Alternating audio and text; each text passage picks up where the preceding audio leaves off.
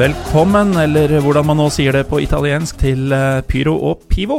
Jeg heter Morten Gallosen. I dag skal vi snakke om eh, to giganter i italiensk fotball som nylig har møtt hverandre. Internazionale og AC Milan. Med oss i dag har vi en eh, mann som svært få huskere kanskje husker Svært få lyttere kanskje husker. Nemlig Anders Hakstuen. Velkommen. Hallo, takk skal du ha. Du var jo med i eh, den sagnomsuste, eller glemte, første europaligaepisoden vår noensinne. Ja. Den, eh, den var ikke så engasjerende, tror jeg, som, eh, som de som har vært senere. I hvert fall ikke like lang, Den var nok ikke like lang. og ikke like positiv heller, til turneringa. Nei, vi, vi, var vel ikke helt enige om dens hva skal jeg si popularitet, kanskje? Nei, eller livsrett. Livsrett. Stemmer. Men uh, du har jo Altså, den gangen uh, introduserte jeg deg som en uh, reiseglad herre. Mm. Eh, det er du fortsatt. Det stemmer. Og i så henseende er jo Europaligaen en genial følgepartner, er det ikke det? Jo. Jeg har ikke fått vært på noe Europaliga eh, enda. Heller ikke noe Champions League, for det passer litt sånn dårlig med ukedager osv. Men jeg prøver jo å reise rundt og få med meg fotballen jeg kan ellers, da. Jeg følger jo litt med på dine sosiale medier, og på er det eventurer.no Ja. eh, på Instagram. Mm. Så sa jeg at du, har, du velger jo veldig sånne europaligaaktige steder å reise til. Jeg gjør kanskje det. Du eh, drev og vandra rundt i noen fjell i Sentral-Asia forholdsvis nylig. Ja, jeg veit ikke om det dekkes av Europaligaen, egentlig. Nei, det gjør det ikke, eh, men det er, men det er veldig Europaligaen etter. Etter, det er det. Det er jeg helt enig i. Jeg prøvde å få med noe fotball i eh, Kirgisistan i sommer, altså, men det, det var ikke lett. Det var ikke lett å få. Jeg tror sesongen var ferdig, eller ja, Eller at fotball ikke har kommet til landet. ja noe sånt. Eh, men eh, reisevirksomheten den tok jo deg til Milano sist helg. Ja, i løpet forrige Ja, den helgen som var nå, ja. Ja. Mm. Uh, var det tilfeldig at det sammenfalt med Derby della Madonnina? Nei, det var det ikke, fordi eh, jeg satt hjemme og surra her eh, altså rett før landslagspausen. Og så så jeg det var en som tvitra at eh, neste runde i Serie A var derby Derby della Madonnina. Og da tenkte jeg ja, vi går inn og sjekker om det er noen billetter. Og det var det. Mm. Så da sa jeg bare hjemme at nå drar jeg. Og før jeg visste ordet av det, så var både flybilletter og kampbilletter bestilt. Og hjemme er i dette tilfellet, som hos så mange andre, en kvinne som, eh, som egentlig har siste ord. Det er en eh, kvinne, eh, og hun, eh, det første hun sa var jo at jeg blir med.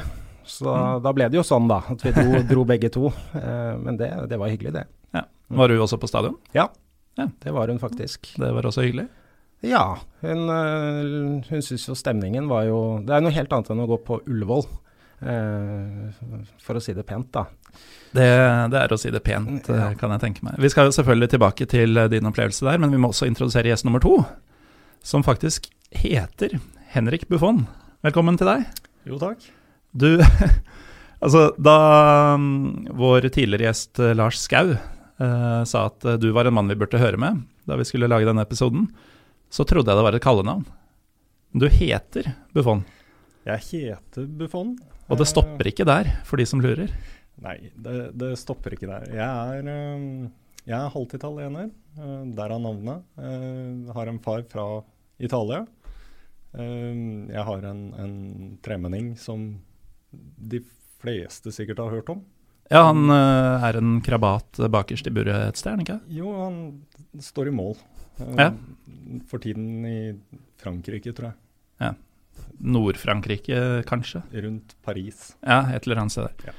Uh, ja, jeg, jeg tar det ikke helt på stående fot, altså. Gianluigi uh, heter han. Han er altså Ti- Tidligere landslagsspiller. Ja, Han har landskamper. Ja, et par. Dette er sånn som, eh, For de som hører mye på Piro og Pivo, så kan det hende at de lurer, eller tror at jeg lurer på ordentlig. Vi snakker aldri om selve sporten. Men Gianluigi Buffon er altså tremenningen din. Ja. Eh, og det er faren din eh, sin skyld, holdt jeg på å si, at dette slektskapet Det er min fars feil. At, har- øh, vi har noe slektskap til øh, Italia. Eh, og og fotball, har, fotball har vært en del av familien der hele veien. Så hans onkel er også tidligere landslagskeeper igjen. Var på 50-tallet med, med i troppen til VM i Sverige. Og Så det er en uh, etten familie. Det er det. Er du, uh, er du burvokter på bedriftslaget selv? Eh, min far klarte å produsere tre sønner som alle ble dyktige tribuneslitere. Ja, og der, eh, der har jo du også levert, har jeg skjønt. Du er jo en ekte tifosi. Det stemmer. Det er mange år i Norge og mang en tur ned til Milano. Mm. Og her i Norge så har jeg jo forstått det sånn at du er, i hvert fall tidligere, vært svært aktiv i Enga-TIFO. Ja, jeg var uh, blant de som startet i sin tid. Så jeg er vel den første som løp rundt oppe på Bislett stadion med bluss i hendene og politiet bak meg. og uh, Anders, uh, jeg vet ikke om vi nevnte det forrige gang, men du er jo også svak for Vålerengens idrettsforening. Ja, stemmer. og derfor er jo dagens studiopivo Hansa, bestemte jeg. Nøytralt og fint. Vel bekomme. men Henrik, du har jo som du sier vært en del turer ned i Italia selv. Har du selv overvært derbyet? Ja. Noen ganger, virker det som. Det var veldig selvfølge i det svaret. Det er, det er en opplevelse du bare må ha. Når du, når du, først har falt for en av de klubbene, så det er noe du må få med deg. Ja, for det kan vi også ta med. Du er jo da Inter-fan. Jeg er Inter-fan. Jeg kommer fra en rendyrket Milan-familie. Um, så min far har som regel store problemer med å forklare hvordan han har tre barn som er Inter-supportere. Men alle kjenner regelen. Har du valgt, har du valgt. Ja, ja, ja. Og um, altså, denne, var det onkelen til faren din som spilte på 50-tallet? Ja. Det, det, er altså Lorenzo? Det er Lorenzo Buffon.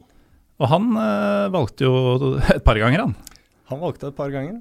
Eh, han eh, står representert på begge sider av klubbmuseet. Mm. Det er ganske sjukt, egentlig.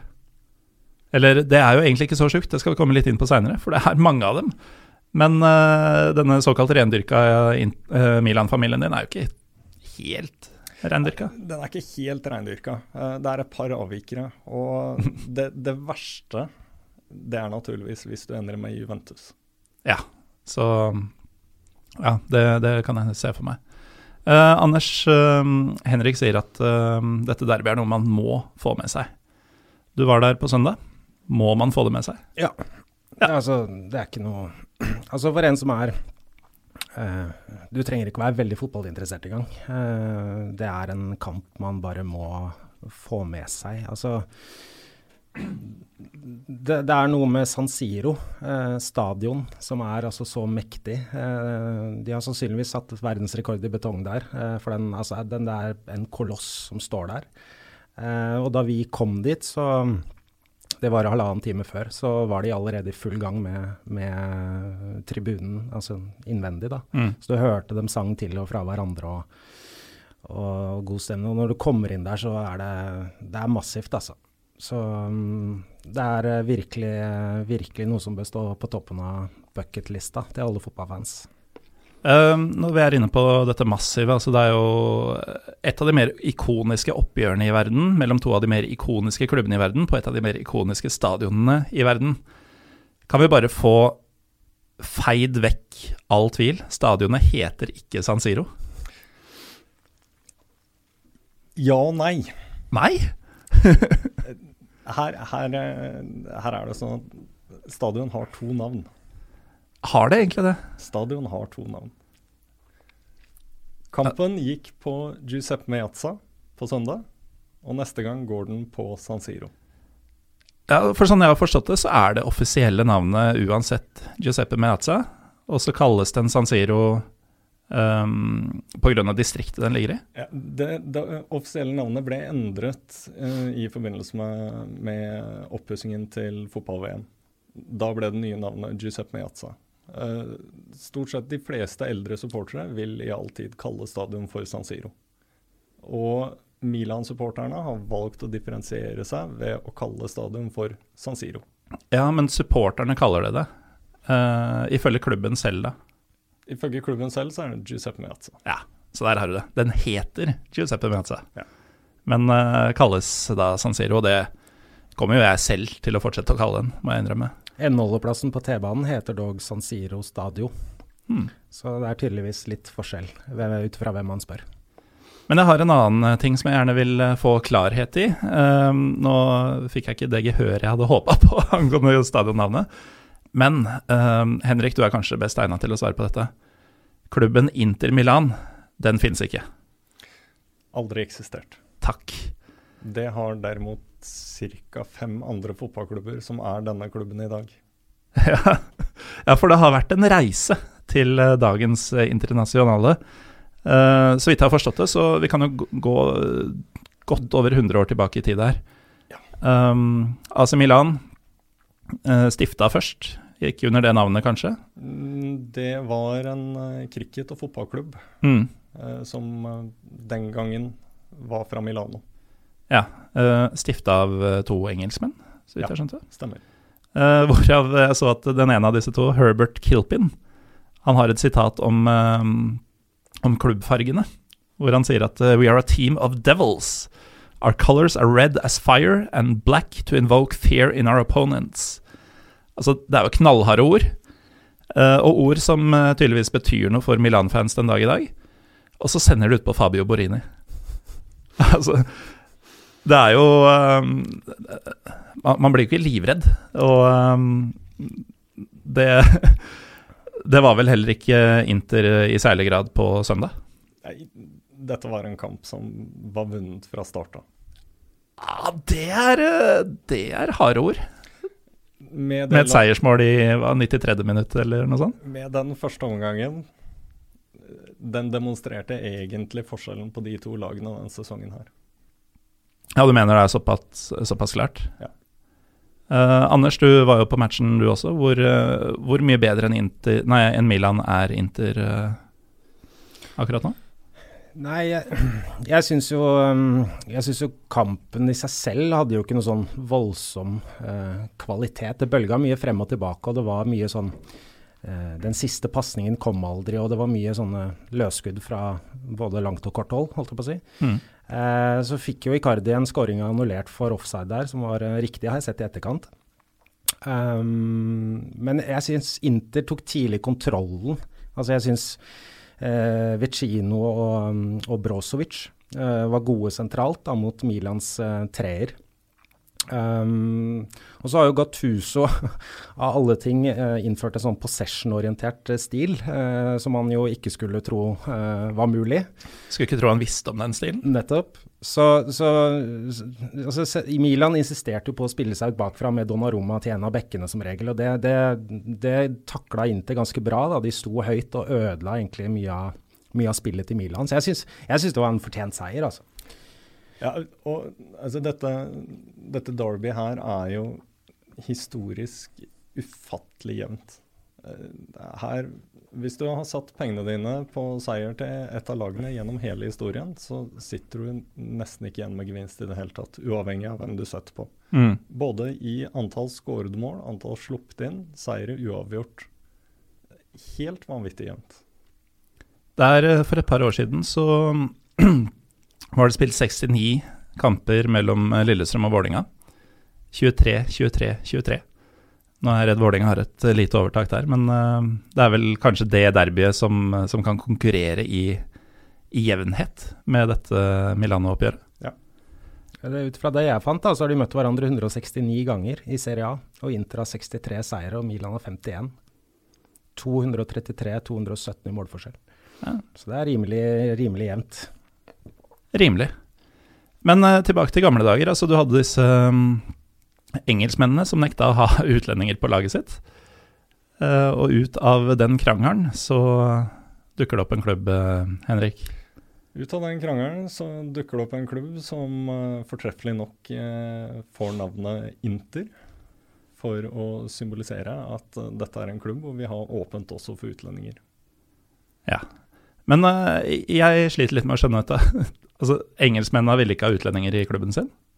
Engelskmennene vil ikke ha utlendinger i klubben sin, det stemmer. Hva, altså, Og hvem er utlendinger? engelskmennene ville ha utlendinger i klubben. Så du har to engelskmenn som sitter og krangler med hverandre om du skal ha utlendinger eller ikke i klubben. Den gangen så var utlendinger eh, sveitsere.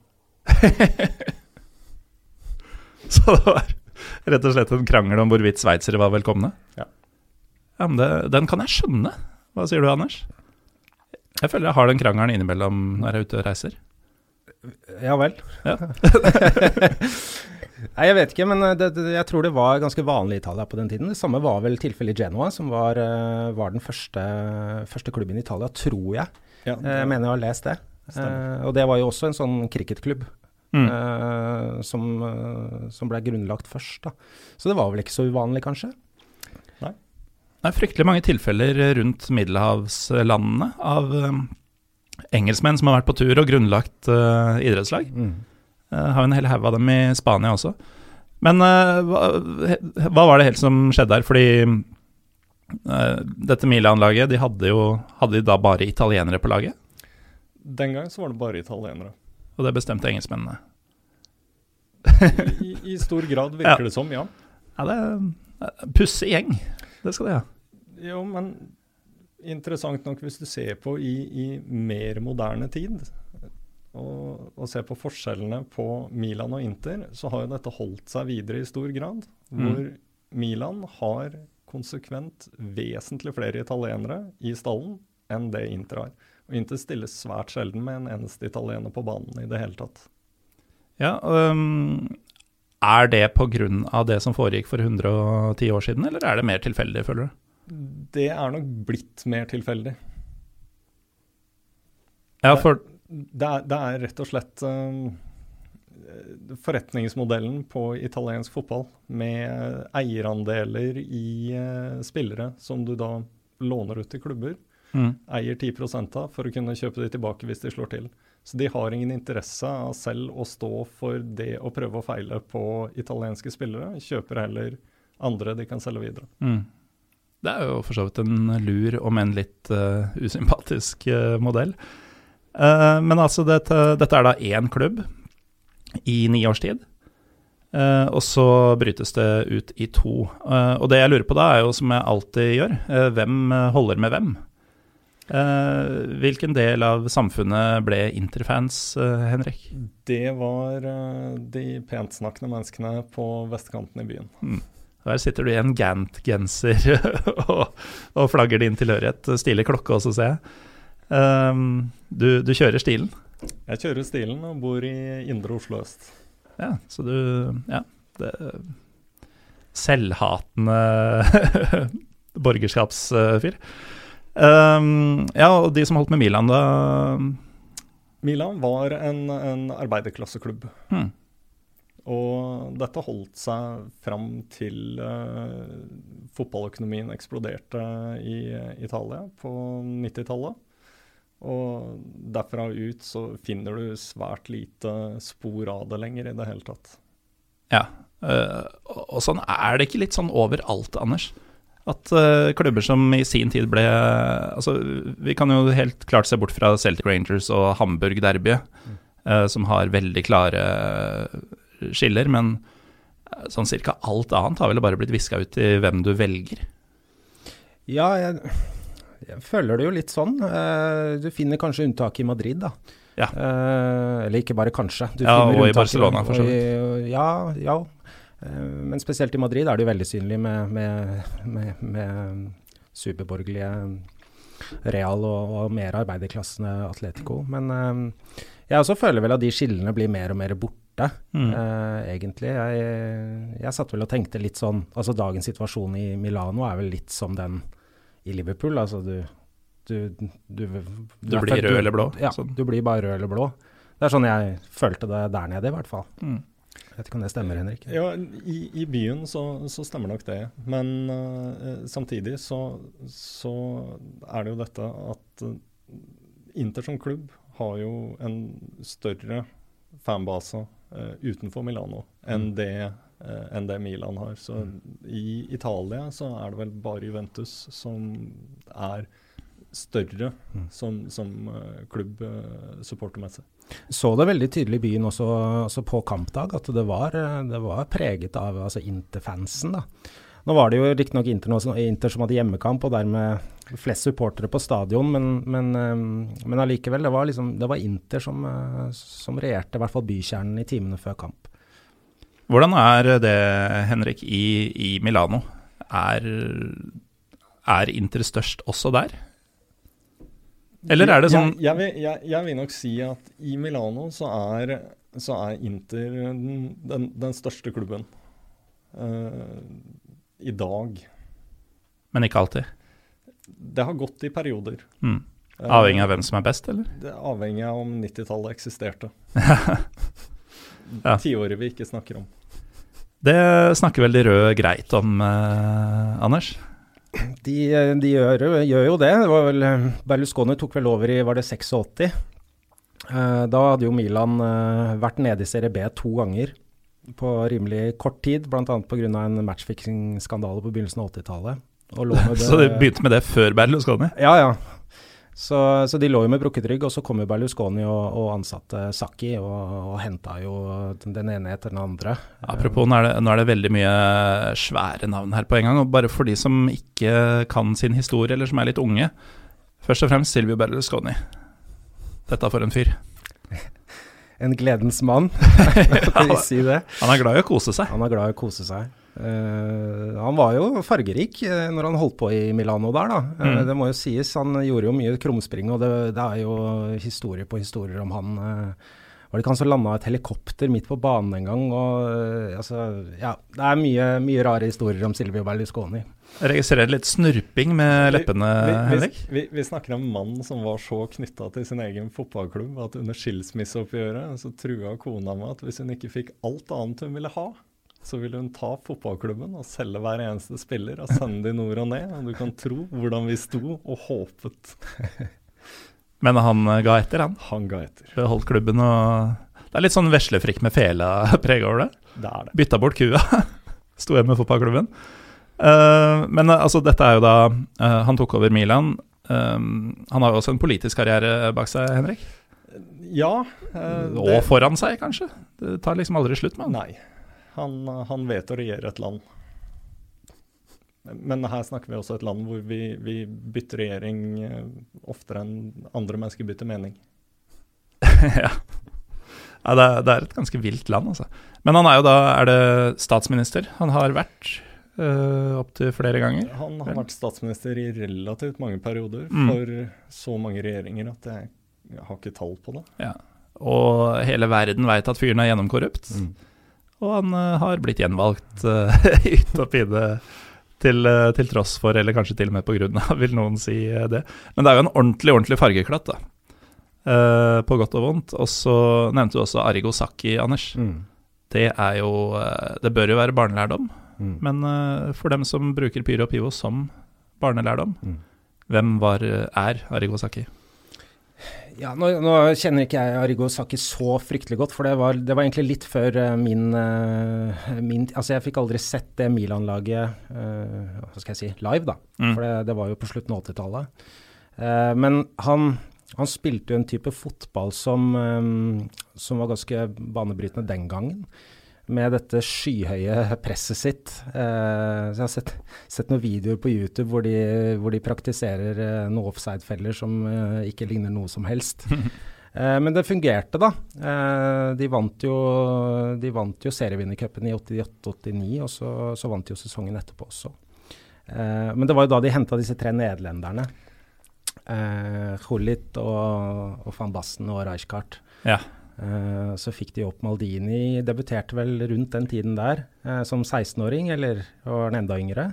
Ja, han var 16. Han var 16, ja. Og så kom jo, kom jo Baresi og Costa Corta og Donadoni, og det var liksom det, jeg, tror, jeg, jeg, tror, det er kåret til et av de beste lagene, eh, klubblagene verden har sett, da, mm. det Sake-laget. Ja, så man kan til en viss grad sammenligne det kanskje sånn hvor overlegent det var med det Barcelona-laget som vi tidvis så under um, Guardiola. Ja. Det var, um, mm. var, rett og slett verdens beste klubblag mm. i, i, et par år. Mm. Sam, samtidig så var det også en periode med antageligvis noen av de beste derbyene man har sett, uh, ved siden av det som var på 60-tallet. Uh, så mens, uh, mens, Milan hadde sin uh, nederlandske trio, så hadde Inter sin tyske trio. Mm. Oh. Det er nesten sånn at jeg nå valgte klubb pga. det du sa. Dette var, det, dette var, jo det totale hat i hatet. Så det hadde jo uh, Matheus Brema og Klinsmann uh, på Inter, og, og Reichardt Gullit og, og, van Basten på andre siden. Og det smalt godt. Det smalt godt. Og i tillegg til det så hadde du da eh, kapteinen for de respektive lagene, som var brødre. Med forskjellige etternavn. Baresi. Ja. Det var Baresi og Baresi. Det var det, Ja. Ok. Jeg trodde du mente Bergomi av en eller annen grunn. Nei. Nei. Da, da Han kommer litt senere, gjorde han det? eh, Giuseppe Bergomi? Og, og, og begge starta i Inter i tillegg, hvor den ene broren fikk beskjed om at nei, de hadde vi ikke helt bruk for. Ja. Og blir da den største av de største i Milan. Det er altså Franco Baresi. Mm. Um, så mitt første møte med Jeg har en uh, Eller jeg kom opp med en påstand uh, da jeg forberedte meg til episoden uh, på jobb i dag, må jeg innrømme. Um, og det er at AC Milan er alle som var 10-11-12 år i 1994, sin favorittklubb. Og mitt første møte Jeg var jo tilfeldigvis 10 i 1994 og um, var svak for Milan i, i de årene. Så fada det litt ut etter hvert som jeg ble eldre. Men mitt første møte med Franco Baresi er jo egentlig Jeg fikk med meg at han var en del av VM-laget. Men det jeg husker, er jo straffesparket som han skøyt himmel, uh, himmelvis, holdt jeg på å si. Uh, mange meter over mål i finalen. Men uh, det som for meg var en stor skinnebukk, er jo da egentlig både en nasjonalhelt og ikke minst AC Milan-helt, Anders. Ja, han er jo det. Han står vel igjen i historiebøkene som en av de beste, beste som har vært i, i sin posisjon. Mm. Uh, nå har ikke jeg vært på Milan-museet, men jeg vil tro han har en ganske prominent plass, uh, plass der, altså. Det bør han vel. Han var vel kjernen i både Sakki sitt lag og um, Capello, som overtok, uh, Mm. overtok etter Sakki på begynnelsen av 90-tallet. Ja. Fabio Capello, han, han uh, gidder vi egentlig ikke å introdusere noe nærmere, men uh, ekstremt italiensk navn, ekstremt italiensk utseende, og sigarer. Det er Det var typer i det Milan-laget, det må til og med du innrømme, Henrik. Uten tvil. Altså det, det, det tiåret der var, var et tiår med profiler hele veien. Mm. Og det var jo også denne tiden hvor eh, Altså, man så jo knapt italiensk fotball noe sted. Det var mer sånne ting du leste om i Goal og, og bladet Fotball eventuelt, hvis de hadde giddet å ta en eh, studietur. Og, og samtidig så var dette også den tiden hvor det var den beste ligaen i verden. Det var de største pengene i verden, og det var overgangssummer som var helt hinsides. Mm. For det var det jeg skulle fram til, at alle var liksom enige om at italiensk fotball var best. Men ingen visste egentlig hva de snakka om. Eh, kanskje unntatt deg, som, eh, som vel fulgte det tettere enn den, de fleste nordmenn, Ja, jeg, selv i dette mørke tiåret for jeg, Interstell. jeg, jeg husker det, det var første gang i mitt liv at jeg oppdaga at uh, her har du en dommer som er noe utenom det vanlige, blant annet. Mm. Um, og den dommeren? Det var en, uh, en hyggelig kar ved navn Colina, mm. som italiensk fotball aldri hadde vært det samme uten. Nei, hvor viktig har Colina vært for italiensk fotball, mener du? Jeg, jeg tror faktisk for eksponering av italiensk fotball utenfor Italia, så har Colina vært ekstremt viktig. For det er jo noe med det at um, du har et land som veldig mange ser på som svært innovative i juks. Uh, og så kommer han som skal styre og ordne alt, uh, og blir soleklart best i verden på det over en lang periode. Og igjen utrolig ikonisk utseende fyr. Um, fra samme land. Ja, altså jeg, jeg, jeg vet egentlig ikke hvordan de fikk det til, utover noen av stegene de gjorde der borte. Det var å være de første til å profesjonalisere dommerstanden. Så Italia var de første som begynte å betale dommerne. Mm. Og da mener vi ikke sånn honorar på 800 kroner for en match. Da mener vi, da mener vi fulltidsansatte. Mm. Problemet var jo at de differensierte de fulltidsansatte, som igjen åpnet for at det kun er en av de store klubbene som aldri er blitt tatt for å jukse. Ja, og jeg ser på ansiktsuttrykket ditt igjen, Henrik, hvilken klubb dette kan være.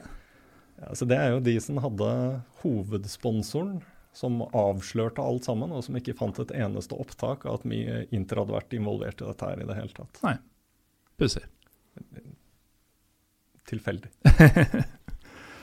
Men øhm, vi er da inne på veldig mye Milan-profiler på, på 90-tallet, men øh, Inter var jo fortsatt Altså, vi nevnte Klinsmann, vi nevnte Bremer, vi nevnte Matheus. Inter, Inter var jo et vanvittig slagkraftig lag. Fremdeles i Europa, så de, de forsynte seg jo grovt av den mindre Europacupen. Mm. Uh, dette var i perioden hvor du fortsatt spilte finalene hjemme og borte. Uh, så siste finalen det skjedde med, det var, uh, var 89? Nei, 93. Lazio, Lazio Inter. Det tror jeg var enda seinere, faktisk. For det er sånne matcher jeg husker. Ronaldo, 98. Mm. Ja, tenk det. Dere hadde Ronaldo. Mm. Gamle Ronaldo. Både vi og Milan. ja, faktisk. uh, ja, det tar jo oss for så vidt over til noe som er litt interessant, da, fordi uh, der, altså, Anders, du var på matchen og fikk sikkert kjenne litt på det, og Henrik, du har vært på flere av dem, men uh, hvor sterkt er fiendskapet mellom disse to? Hvor mye merda var det og sånn? Altså På tribunen så, så ble det jo slengt både det ene og det andre. Nå, nå er ikke jeg Min italiensk er ikke den mest stødige, uh, men jeg, jeg, skjønte jo såpass at det, det, det, var jo ikke, det var jo ikke god tur hjem som ble ønsket da vi gikk ut av stadion. Altså, jeg satt helt i Jeg satt i den ene svingen uh, rett ved Milan-fansen. Uh, og da du går ut derfra, så blir du skilt av Milan-fansen bare med et gittergjerde. Og der uh, var det så vidt vi kom uh, helskinna forbi. altså Der sto det folk og glefsa og, og holdt på. Men, men, sånn utover det så føler jeg vel egentlig ikke at det er noe fiendskap mellom klubbene som sådan. Altså det, det, det, det er ganske Altså det, er ikke, det er ikke Det var ikke det var ikke sånn når du kom til stadion at politiet sto med skjold og, og tåregass. Eh, langt ifra. Så det var ikke så hatsk som, eh, som du f.eks. får i Roma? da?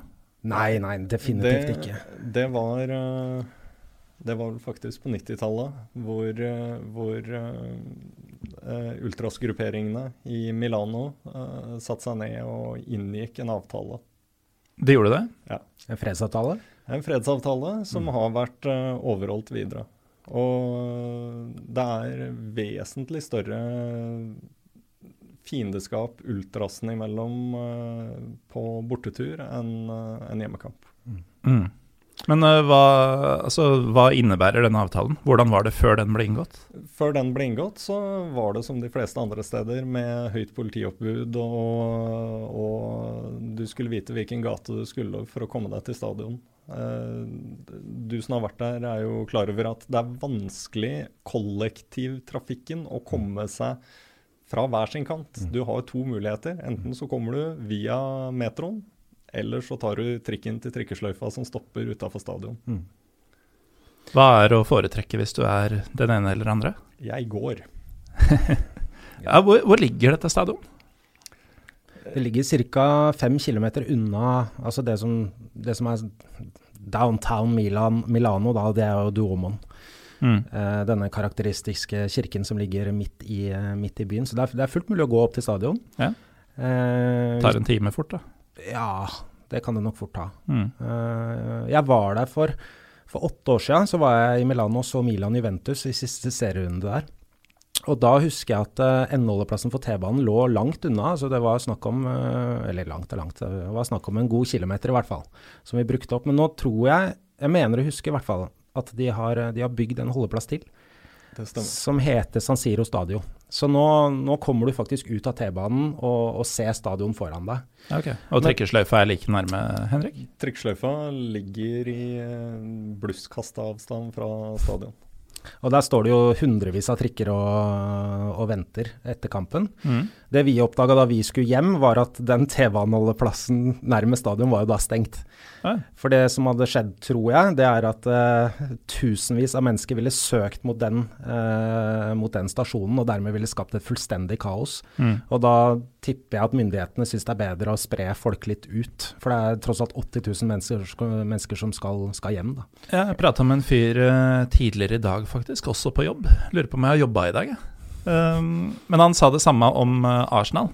At det nærmeste T-banestoppet der uh, stenges også etter matcher. Mm. Og at man må gå til et, en litt større stasjon, da, som mm. er et stykke unna. Mm. Um, sikkert en god idé. Det er, uh, det er enkel people management. Men uh, altså Det dere sier er at i hvert fall nå, med den våpenhvilen, så er det forholdsvis humant mellom disse to. Eh, og det bringer meg over til det vi egentlig skulle snakke om her, er at eh, det er jo fryktelig mange spillere som har vært i begge klubber. Mye flere enn folk egentlig vil tro. eh, Ja. I og med at man har denne uskrevne regelen om at du bytter ikke. Men det er Av de mange så er det kun et fåtall ikoniske spillere hvor det virkelig har vært vondt å svelge for den ene eller andre klubben at dette har skjedd. Av de som har gått direkte, eller av de som har vært eh, de som, enten om de har gått direkte eller kommet dit, men det har gjerne vært vondt å svelge hvis det har vært en ikonisk spiller for deg, Mm. eller hvis det har vist seg at du ga bort gull og fikk gråstein tilbake. Pirlo. ja, for eksempel. Uh, Milan ikke like enig i hvem som er Eller om han er gull eller gråstein.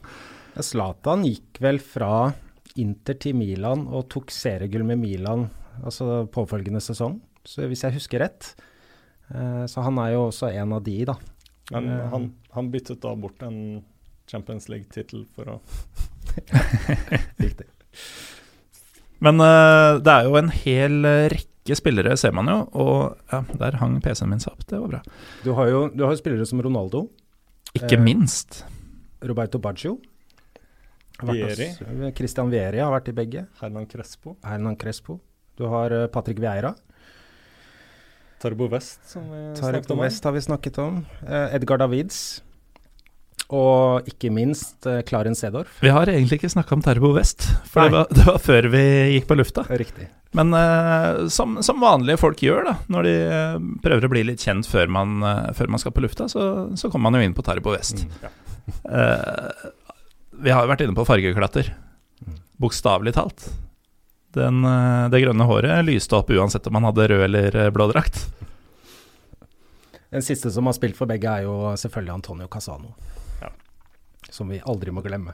Som stort sett har spilt for alle. Det meste. Ja. ja, han er litt sånn Henrik Kjelsrud Johansen. Mm. Eh, det er ingen klubber som vedkjenner seg han, han bare har vært innom. Eh, og det gjelder alle klubber i hele verden, i hvert fall i Norge. Eh, men av de som har spilt for begge, så er jo bl.a. Uh, Giuseppe Meazza. Giuseppe Meazza har spilt for begge. Og- Apropos uh, stadionnavn. og, og, og var jo ikonisk også for begge. Selv om han ikke spilte mye for, eh, for Milan, så, så var han jo ikonisk der òg. Mm. På hvilken måte? Han var eh, datidens uh, Pelé Maradona. Altså, han var den gudsbegava fotballspilleren.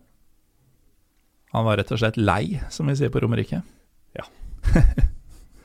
Eh, men er, er det det at han har så mange flere kamper? Altså, han har jo ti ganger så mange kamper, grovt regna, for Inter som for Milan. Er det det som gjør at det er Inter som eh, bruker det navnet også på folkemunne på stadion? Inter skapte han, så Inter eier han. Sier du. Ja. ja, men det er vanskelig å motsi. Altså 348 matcher for Inter før han dro til Milan. Det Og 241 mål. Ja, ikke minst. Men uh, da han gikk til Milan, så hadde han vel egentlig vært skada siden VM i 38, eh, hvor han uh, som kaptein vel leda, leda Italia til deres andre VM-gull på rad. Mm. Så, um, og så gikk han jo til Juventus rett etter det igjen, så han har jo liksom vært vært Han er innom rett og slett en skjøge, han. ja. Første. men, men apropos, altså bare altså, Interfansen. eh, Eh, jeg opplever at det er større Vi snakka om hat i stad, mot Juventus enn det er mot Milan. Er det riktig? Det, det, det stemmer. Og kampen nå, kampen nå i helgen eh, dette, dette liker jeg å plage Milan-vennene mine med. Hver gang de er så heldige at de vinner, så må du huske på at dette er bare Derby della Madonnina. Men Det er ikke Derby della Italia. Riktig. Uh, Henrik, nå skal jeg utfordre deg på noe som ikke egentlig var på agendaen, men uh, disse derbynavnene. Uh, det er jo en historie bak hvordan de har kommet uh, fram. Har du, har du den? Eh, Derby della Madonnina. Ja, altså Derbyene har jo fått Flere av de italienske derbyene har jo fått disse navnene av, av en bestemt person. Ja, der må jeg si at uh, fotballhistorien min uh, strekker neppe til. Beklager. um, ja, nei, jeg er heller ikke stø på detaljene her, men det skal visst ha vært en kommentator i gamle dager som uh, kom opp med disse for å markedsføre dem. Og de har blitt værende. Men Madonnina er jo den gullstatuen på eh, toppen av Duomoen i Milano. Jomfru Maria, er det ikke det? Jomfru Maria, Mm. stemmer. Så det er jo et, Og Derby della Capitale er jo det sier seg litt selv. Lite, lite uh, spektakulært over det. Derby della Lanterna, det, som er Genoa-derby, Genoa. for de som ikke vet det. Bakgrunnen for den den skal jeg ikke prøve meg på engang. Jeg tror det er et uh, gammelt, ærverdig fyrtårn som står i havna i Genoa, som har gitt navnet til, den, uh, til det derby der. Jeg blir så glad i Italia av å høre disse tingene. Så har du jo Derby della Sole, som er eh, Napoli-Roma, vel. Eh, sol, solderby. Ja, jeg tenkte Såle, siden det er sør i støvellandet. Ja, kanskje det er det. Men, det er vel egentlig bare én i studio her som kan eh, italiensk. Eh, han har ikke gitt lyd fra seg på akkurat det, så jeg tror ikke vi er inne på noe, Anders. Den som tier, samtykker ikke alltid. Men disse spillerne som har, har vært i begge klubbene, vi, nevnte vi Balotelli, eller? Det var noen som sa at det ikke var liksom de største, men det er mye rått her. Crespo har vært i begge. Cedorf, Vieri. Det er eh, Francesco Toldo, ikke minst. Fikk null kamper, for så vidt, i, eh, i Milan, men eh, har vært der. en fantastisk jobb i Inter. Ja. Det gjorde han vel stort sett overalt hvor han eh, dro. Ja, Så var han heldig nok til å få et uh, EM han ikke skulle hatt. Ja, på hvilken måte? Det var Jon Carew som gikk opp i en duell i treningskampen ukene i forveien eh, på Ullevål. Da satt jeg der og hadde akkurat feira bursdagen min sammen med landslaget på Plaza. Ja, Og Som man jo gjør. Når man først eh, treffer familie, så treffer man familie. og da går Buffon opp i duell og brekker hånda. Mm. Og Toldo blir da førstekeeper i mesterskapet, og huskes i min verden best for å redde straffe i ordinær tid mot Nederland i semien, i tillegg til tre i straffekonken. Mm. Ja, det var en sjuk kamp. Den husker jeg. Um, for de som eh, av en eller annen grunn tar denne referansen I Big Brother et år så var det en som het Richard Olsen, som Husker ikke om han vant, eller i hvert fall han var med lenge. Eh, Så Richard eh, Raggare, som han eh, ble kalt. Jeg så den kampen sammen med han, og jeg var en lettpåvirkelig 16-åring. Han var vel fem år eldre enn meg, eller noe sånt. Um, og andre, da. Det var ikke bare han og meg. Det var ikke noe sånn lyssky virksomhet som foregikk. Men han sa på et tidspunkt at uh, Fordi han mente Nederland herja så vilt i den kampen at det var utrolig at de ikke vant. Så før det gikk til straffekonk, så skulle han eh, barbere hele kroppen dersom eh, Nederland ikke vant dette. Og jeg valgte da å ikke be om bevis neste gang jeg traff han. Men eh, jeg tror, tror han gjorde det, altså. Men altså, når du treffer på familie Vi nevnte at du var tremenningen til selveste Gianluigi Buffon. Men det er altså et såpass nært familiært bånd at dere, deres veier har krysses. Når vi møtes, eller har muligheten, så møtes vi, ja. Ja, så du kjenner fyren? Kjenner som eh, jeg kjenner andre mennesker jeg ikke møter ofte. Ja. Men dere er på hils, og han veit hvem du er. og sånn. Ja. Um, altså Selv om det er familie og du ikke har liksom noen ære for det selv, det er litt kult. Periodevis så er det kult, andre ganger så kan det være ufattelig kleint. Eh, Sånn som nå. jeg, jeg, var, eh, jeg var over med, eh, med ekskona og min datter og hennes sønn i USA i høstferien. Og vi sitter på en eh, frokostkafé om eh, morgenen og spiser. Du leverer kredittkortet for å betale, og det kommer en eh, servitør tilbake med tallerkenøyne og lurer på om kjenner du til Mm. du forklarer at jo, ja, og dette er Og jeg da får hele historien om søsteren hans som jobber for fotballklubben i eh, Orlando, og om Kaka, og kan jeg være så snill å skrive en autograf til han? Du skal signere regninga, da. Det var greit nok, men Ja. han vil gjerne ha en autograf. Og jeg, jeg har to unger som holder på å le seg i hjel, Mhm. og du sitter og føler deg så flau som du aldri har gjort, med hilsen Henrik. Ja. Hyggelig. Altså, Lite smil. For, du, øh, jeg hadde jo aldri hørt om deg før i går, må jeg innrømme. Og um, jeg, jeg tror jo ikke du uh, er spesielt berømt, annet enn Håper ikke det. Nei, men du har et etternavn, altså, som, et- som var mer enn nok til at noen ville ha autografen din? Ja. Ja. Det, det opplever ikke du, Anders. Nei, men jeg, jeg er en av fire i Norge da, som heter det jeg gjør. Så det, det, Altså- det er det jeg kan skimte med. Anders Hakstuen, eller? Eh, bare Hakstuen, ja. Etternavnet mitt. Det er fire i Norge som har det navnet? Ja, det er min nære familie. Det er mange flere galåsner enn det. Ja, det kan du se. Hvordan eh, kan det ha seg? Jeg tror det er en ganske kjedelig historie, altså. Så okay, ja, da, da driter vi i det. Ja. Uh, men det vi må gjøre, er jo å snakke litt om um, Italia og Milano som eh, reisemål. Fordi én ting er at, eh, som vi har vært inne på, du må se denne kampen i løpet av livet. I det minste må du se en match på eh, Giuseppe Meazza i løpet av livet. Eh, men hva annet må du gjøre når du først er i Milano? Anders, du er jo en ivrig reiser og har nylig vært der. Ja, jeg, jeg har jo vært der nå to ganger. Første gangen så syns jeg egentlig Milano var ganske kjip og kjedelig, eh, for å være helt ærlig. Eh, Jeg fikk også det inntrykket. Jeg tilbrakte bare en ettermiddag der. ja, Men det var liksom Det var, det var ingenting som traff meg. Nei, det, det, er ikke, det er jo ikke en by med de hva skal jeg si, de store attraksjonene, sånn sett, da, hvis man er turist med sperrefleks på ryggen og, og drikkeflaske i begge hender. Men, men Du er det, du. jeg er ikke det. men, men nå så, så fikk jeg tid til å utforske mer eh, til fots, eh, som jeg liker å gjøre når jeg eh, farter rundt. Mm. Eh, og da, da fant jeg, hva skal jeg si, eh, Milan eh, ganske spennende likevel.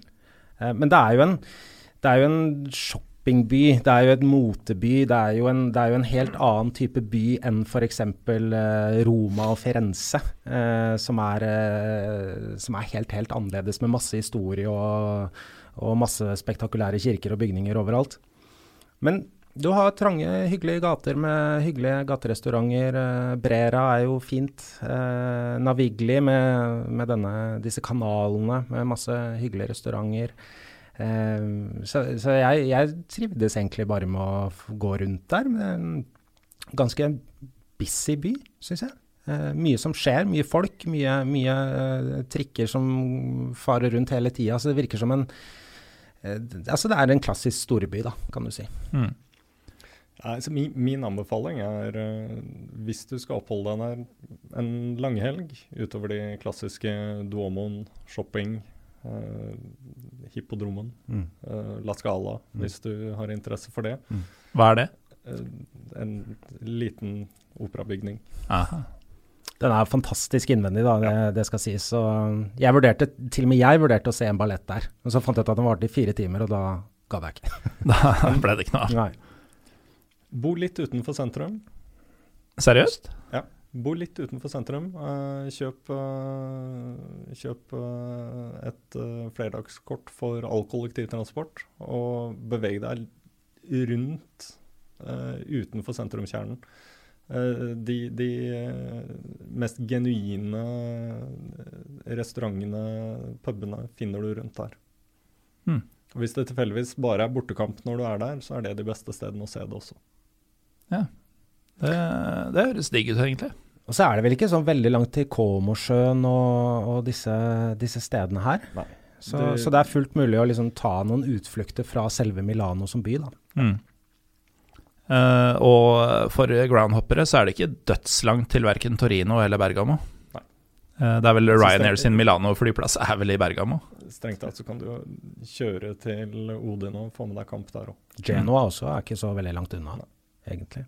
Og hvis du benytter deg av eh, hurtigtog eh, i Italia, så er det pålitelig og rasende raskt. Mm. Ja, det er det faktisk. Mm. Det er overraskende på mange måter, for det er så mye som ikke funker i Italia. Det må vel nesten du også innrømme, Henrik? Er Til de grader. Men eh, nå er det jo sånn eh, Jeg må utfordre litt på mat og drikke også, for det er en viktig del av Pyro Pivo. Um, det er jo veldig enkelt å si pasta, pizza, vin, men uh, utover det uh, Du, du, du kan ikke dra dit og ikke spise et hav av sjømat. Nice. Det, altså, det er blant de få stedene du får perfekt par av vin og, vin og fisk. Ja, for det, det kan de i shoppingbyen Milano. Det kan de til de grader i shoppingbyen Milano. Hva er det du uh, må få i deg av sjømat uh, hvis du er der? Jeg, jeg går, for, går, for, noe helstekt ferskvannsfisk. vi har en fast restaurant vi alltid stikker til der.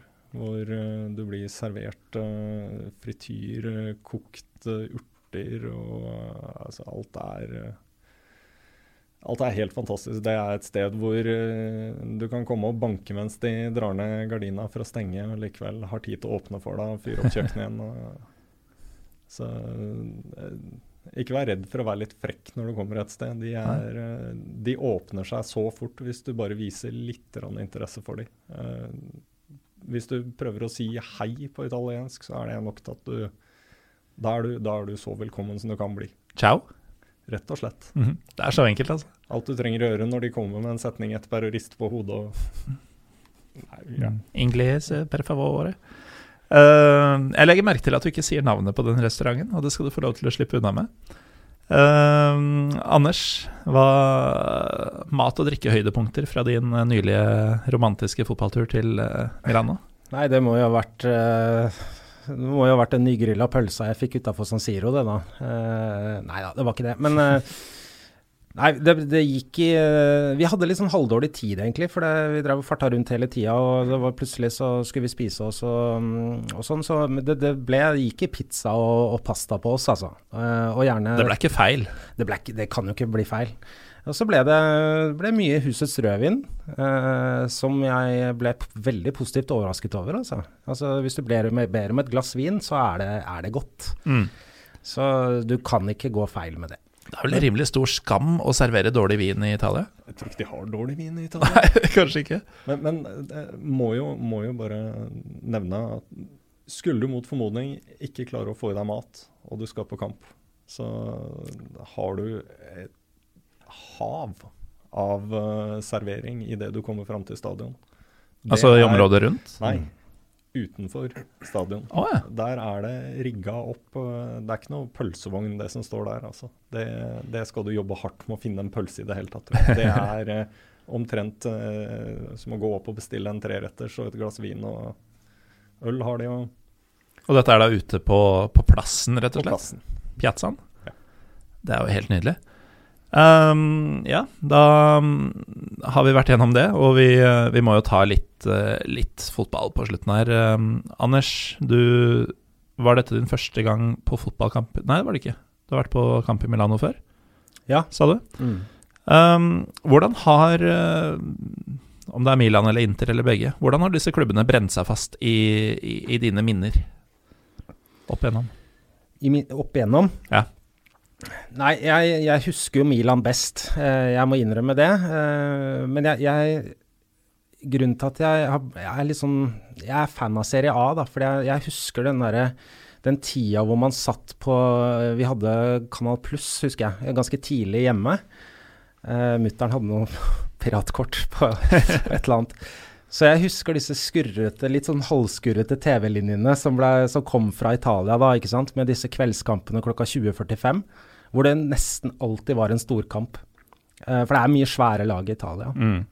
Uh, og det var alltid litt sånn halvtåkete, ikke sant. Flomlys, vått i gresset. Og så har du disse kjekke italienere løpende rundt med, med vått hår, da.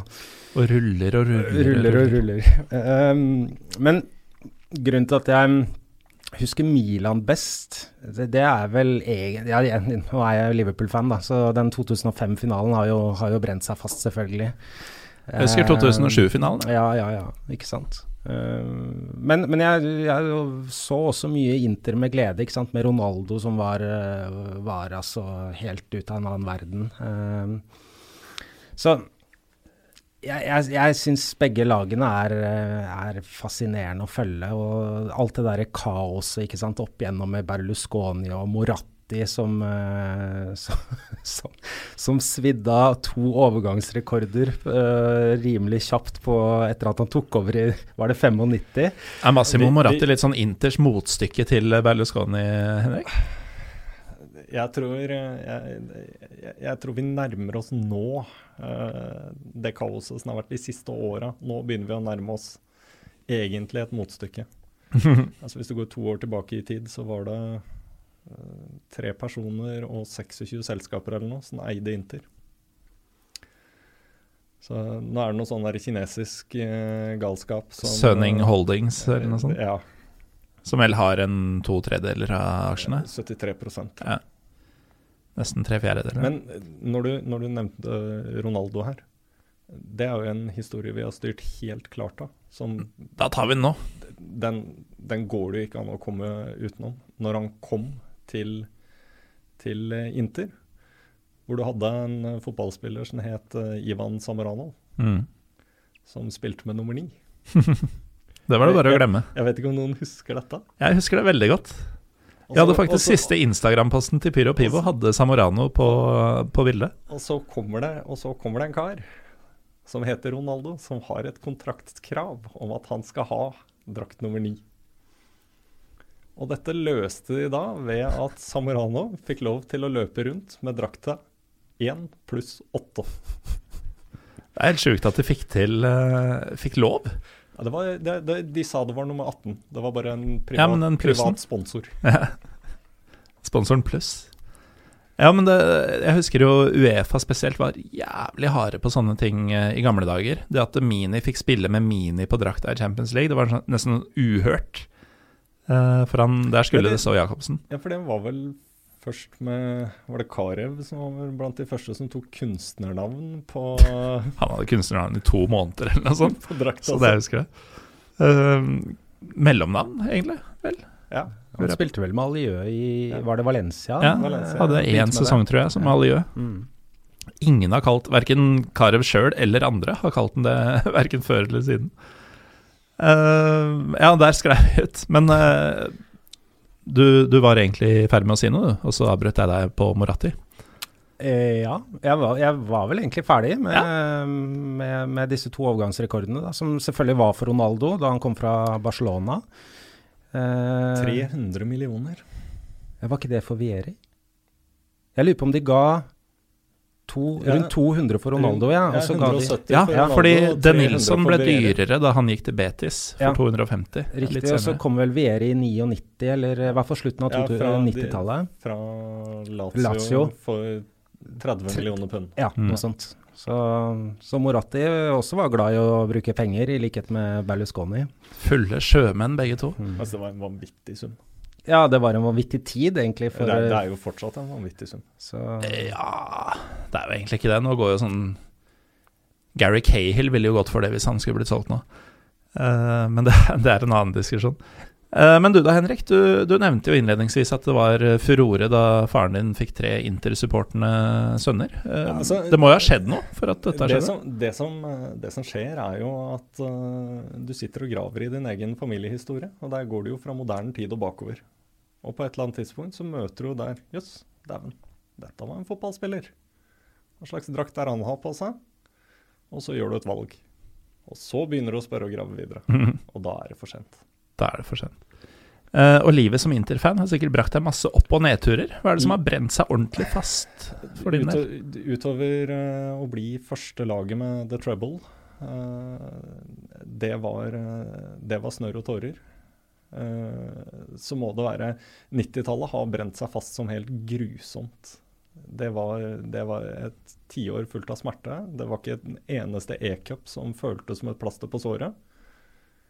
Men eh, hver eneste gang ting har gått gærent, så kan du lene deg tilbake og tenke på at ja, ja, vi har ikke rykka ned.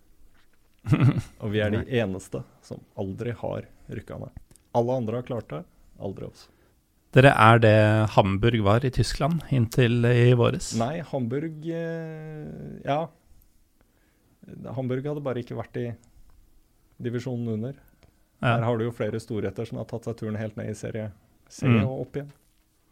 Men eh, det er jo ganske vilt, egentlig. At, uh, nå har det jo vært mye tvangsflyttinger, da. Men når, når du ser hvor overlegne Juventus er i disse dager, f.eks., hvor overlegne Milan var på 90-tallet Disse klubbene har vært nede.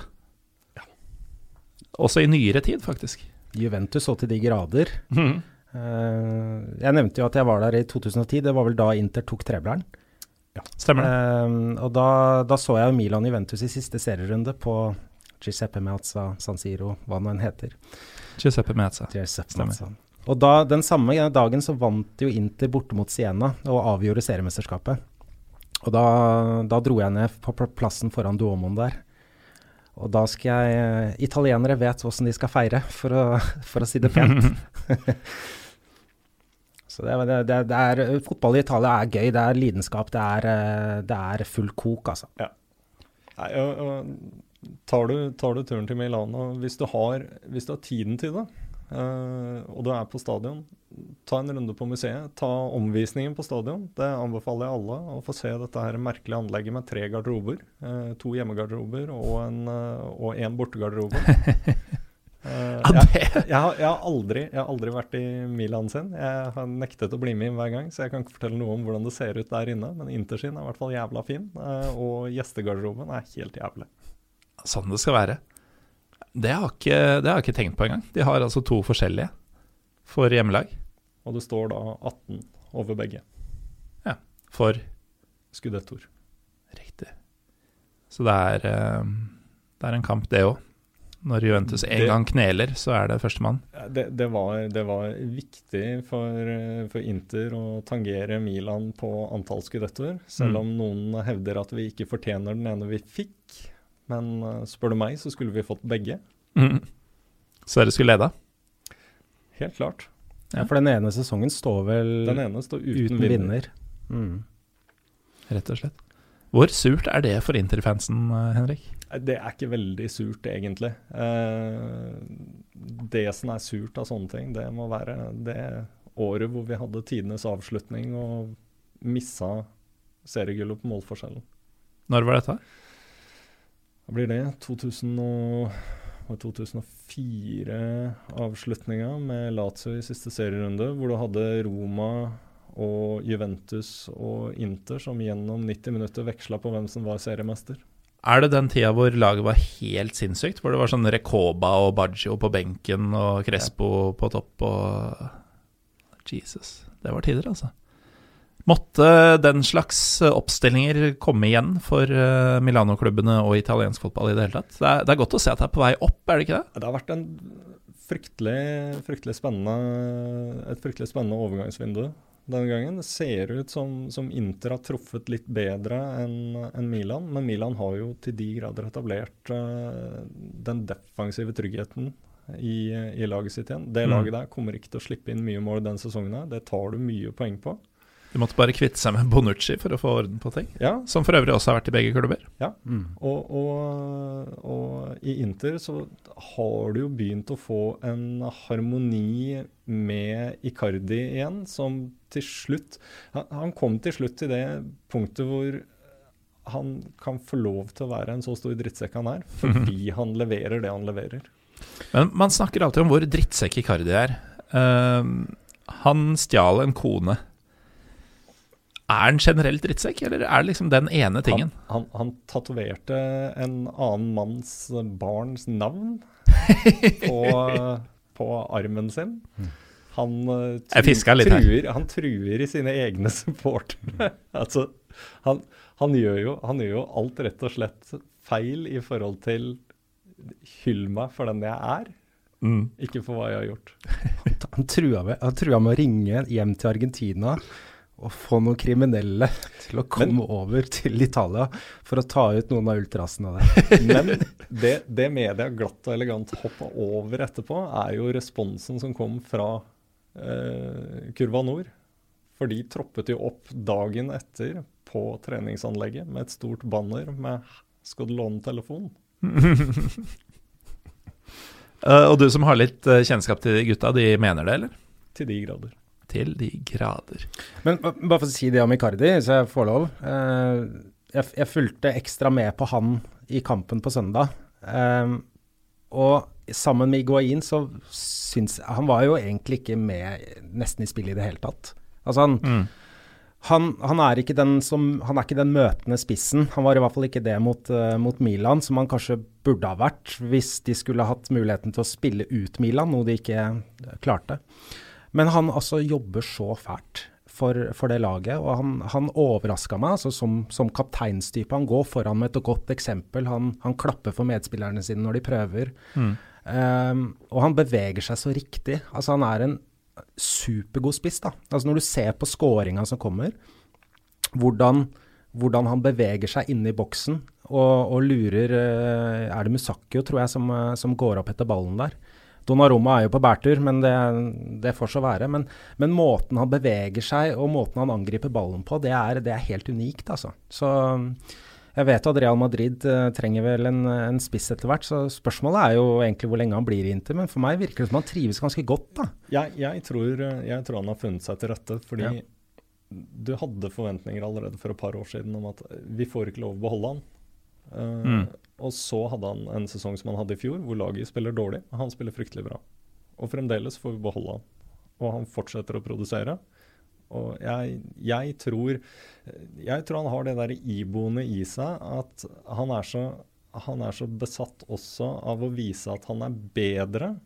At han har lyst til å vise at han er jeg skal, jeg skal være bedre enn det Sanetti var for dere. Mm. Og hvis han er villig til å ofre det for oss, for all del, altså jeg skal trykke han inn i hjertet når som helst da, ja, altså. Mm. Men jeg, jeg, tror at det er det som ligger i hodet hans. Det er litt den der mentaliteten til Ronaldo. Si jeg ikke klarer det, skal jeg vise deg. Mm. Ja, Han virker som han har en enorm vinnerskalle. altså. Uh, han er jo ute, ute, utestengt fra Argentina også, for det, Messi liker han jo ikke, visstnok. Mm. Så, så det er jo litt synd. What's not to like? Ja, what's not to like. Um, nei, men han er, en, han er, en, veldig, veldig god spiller, altså. Uh, ja, hva er det Rolf Otto Eriksen sier? En kobra i boksen. Kobra i boksen. Mm. Det, det, er kjipt å møte. Ja, så i hvert fall når du tross alt kommer fra et lag som har slange som kallenavn. Nettopp. Ja, eh, det toucha vi jo faktisk ikke innom før nå. Men uh, litt sånn Kjært barn har mange navn. Ja, men dette er nesten et kallenavn på Inter som I, Inter har tre, eh, tre navn det går under. Altså du, du, har som alle andre fotballklubber i Italia, du beskrives på fargene dine, ja. som er Nerasuro. Eh, så har du slangene, som de har som symbolet sitt. Mm. Eh, for så vidt en briljant TIFO fra Milan i år. Mm. Hvordan uh, da? Med djevelen som rev den i to. rev en slange i to? Jeg la ut et bilde av det på Twitter-profilen min hvis, uh, hvis, noen har lyst til å gå inn og se. Det var ganske mektig, altså. Ja. Uh, det, det, siste er uh, de, de, ble kalt for motorsyklene fordi det var bare folk på vestkanten som hadde råd til det. Vespaer, eller? Beste Roma-stil. Uh, da må vi gi oss, boys. Men takk, herr Buffon, for at du kom. Takk, Anders Akstuen, for at du kom. Takk. Uh, takk til dere som hører på. Jeg heter Morten Galaasen. Og har du hørt på alt dette her, så kan du også gi en like til PyroPivopod på Twitter og Instagram. Um, gjør du det på Twitter, så vil du også få vite hva disse gutta heter på Twitter, og kan følge dem også. Vi er tilbake neste uke. Ha det bra.